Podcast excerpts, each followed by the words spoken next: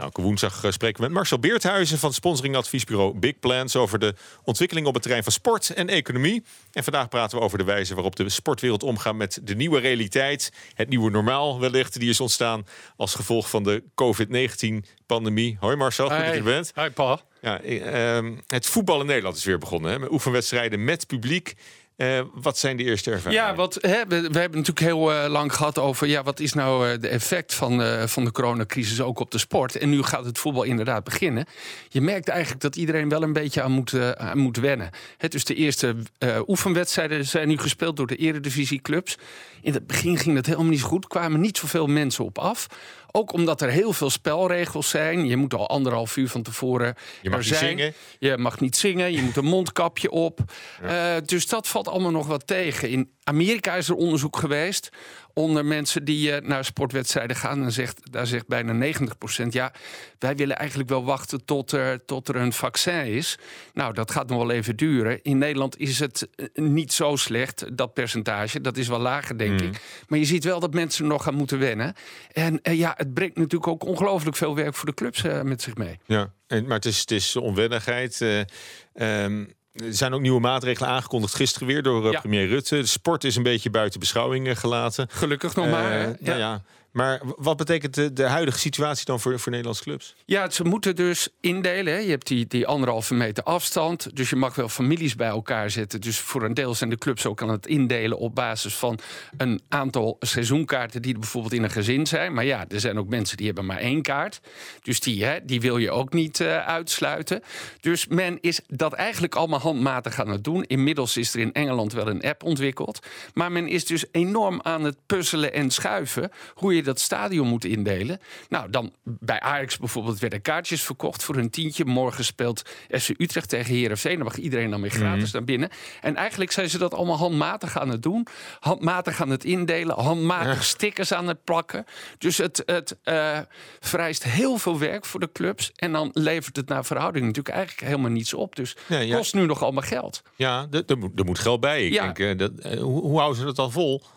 Ja, het, het, natuurlijk in de hoop dat dit duurt tot, laten we zeggen, 1 januari en dan, en dan beter gaat. Iedereen is natuurlijk voor een deel geholpen door regelingen van de overheid. Sommige clubs, ja, die hebben al bezuiniging genomen. Bijvoorbeeld FC Groningen heeft gewoon een aantal mensen ontslagen. Die hebben dan weer het geluk dat er een nieuwe speler is die Robben heet en die voor heel veel ook financiële energie zorgt. Dus die clubs hebben het allemaal ongelooflijk zwaar. En het, is, het geldt denk ik voor de hele economie nu nog moeilijk in te schatten.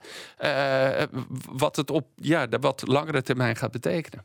Ja, want, want waar normaal gesproken is, is de recette zo'n belangrijke. Uh, ja, zeker in Nederland. Voor, voor, de inkomsten? Ja, zeker. Je hebt, je, je, hebt eigenlijk drie inkomstenbronnen. Dat is alles wat uit commerciële rechten komt, waaronder sponsoring. Je hebt natuurlijk de uitzendrechten. Dat is naar verhouding. In Nederland is dat gewoon laag, omdat er hier mm. niet zoveel voor betaald wordt. En ja, en dan heb je ticketing. Dat is in Nederland gewoon een belangrijk percentage. Hè, zo rond de helft van, van oh. de inkomsten. Oh. Van de, ligt een beetje aan hè, bij, bij Ajax, die natuurlijk hele grote commerciële commerciële deals heeft, is dat weer iets minder. Mm. Maar ticketing is gewoon heel belangrijk. En dat zorgt ook, mensen die in het stadion komen, zorgen ook voor omzet bij de catering. Dus dat is een belangrijk onderdeel en uh, een belangrijke inkomstenbron. Ja, en catering is horeca, is, is ook beperkt natuurlijk. Ja, ja, ja. dus de, alles is eigenlijk moeilijker geworden. We moeten er allemaal aan wennen. Oké, okay, nou ja, goed. Uh, er, wordt, er wordt wel weer gevoetbald. Ik denk dat we daar blij mee moeten zijn. de afgelopen week, deze week, wordt de finale ronde van de Champions League gespeeld in Lissabon. Ja. Um, hoe wordt daarop uh, hoe nou, wordt er op de televisie naar gekeken? Ja, in, in het begin, uh, natuurlijk in het begin zijn we allemaal heel, heel blij dat er weer sport op televisie is en dat we dat kunnen volgen. Um, nou, de rechten zijn in handen van Talpa, dat zat altijd bij mm. Veronica. Die hebben dat nu verplaatst naar SBS 6. In het begin van deze competitie, die loopt nu twee weken, er worden alle, zeg maar, van de kwartfinale tot en met de finale gespeeld, mm. viel het heel erg tegen. En nu begint het wel weer uh, op te trekken, dus uh, zo rond een miljoen. gisteren was het dan maar, hoe, hoe, verklaar je dat? dat uh, je zou juist denken, mensen gaan massaal via Ja. de televisie naar voetbal kijken. Nou, omdat ja, ze het, het- live hebben moeten missen. Ja, het heeft met het weer te maken. Het heeft met de vakantieperiode te maken. Het heeft ook te maken met welke clubs eh, spelen daar. Dus als je ziet dat Barcelona speelt, dan kijken wel 1,2 miljoen mensen. Mm. Eh, hè, dus er is veel andere afleiding, maar zeker het weer. Als het goed weer is, is altijd slecht voor, voor eh, televisiestations. Dat weten ze. Ook, ook als het voetbal, uh, ook als er voetbal op is. Ook als er voetbal is. Maar de finale komt er nu aan natuurlijk. Eh, ja, ja. en, en hoe is dat voor sponsors dan, dit aangepaste format eigenlijk? Ja, dat is, dat is natuurlijk niet veel, fijn. Want normaal gesproken hè, was er een kwartfinale die bestond uit twee wedstrijden. Een halve finale die bestond uit twee wedstrijden. Dus grote bedrijven als Heineken, die krijgen daardoor ook heel veel hmm. zichtbaarheid, heel veel exposure. Mochten bij al die wedstrijden ook mensen uitnodigen, hè, hospitality. Dat is nu allemaal weggevallen, want je kan niemand meer uitnodigen. Je kan ook geen bier meer verkopen. De wedstrijden zijn veel minder. Dus er is ook minder exposure.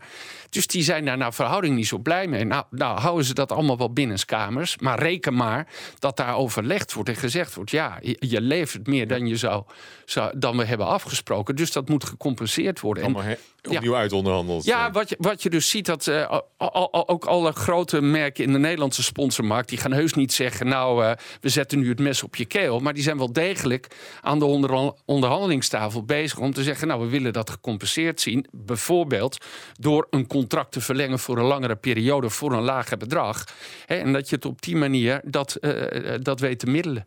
Ja, nou ja, goed. De sfeercomponent zullen we toch voor een groot deel moeten missen.